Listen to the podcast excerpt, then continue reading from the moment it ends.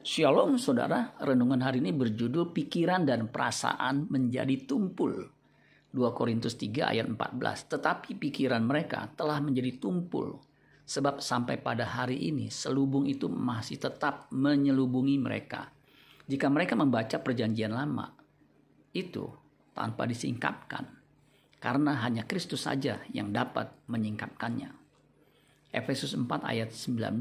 Perasaan mereka telah tumpul sehingga mereka menyerahkan diri kepada hawa nafsu dan mengerjakan dengan serakah segala macam kecemaran. Pikiran dan perasaan kita bisa menjadi tumpul karena tidak diasah oleh firman Tuhan.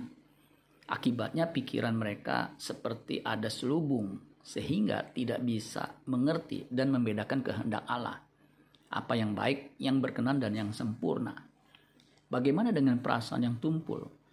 Orang yang perasaannya tumpul mengakibatkan orang itu tidak peka terhadap kehendak Allah dan cenderung menjadi serakah dan hidup menuruti hawa nafsu. Jika terus dibiarkan, tumpul akan mengakibatkan karat dan tidak bisa diperbaiki lagi alias incurable. Yeskiel 24 ayat 12 dan 13. Aku bersusah payah dengan sia-sia, sebab karatnya yang tebal tidak mau hilang daripadanya.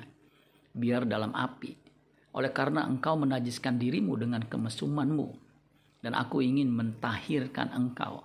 Tetapi engkau tidak menjadi tahir dari kenajisanmu, maka engkau tidak akan ditahirkan lagi sampai aku melampiaskan amarahku atasmu.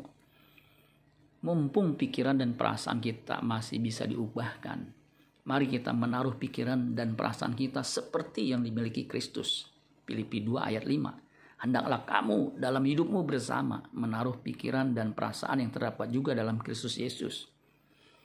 Itulah sebabnya biarkan firman Tuhan menguduskan pikiran kita. Yohanes 17 ayat 17. Kuduskanlah mereka dalam kebenaran. Firmanmu adalah kebenaran. Amin buat firman Tuhan. Tuhan Yesus memberkati. Sola Gracia.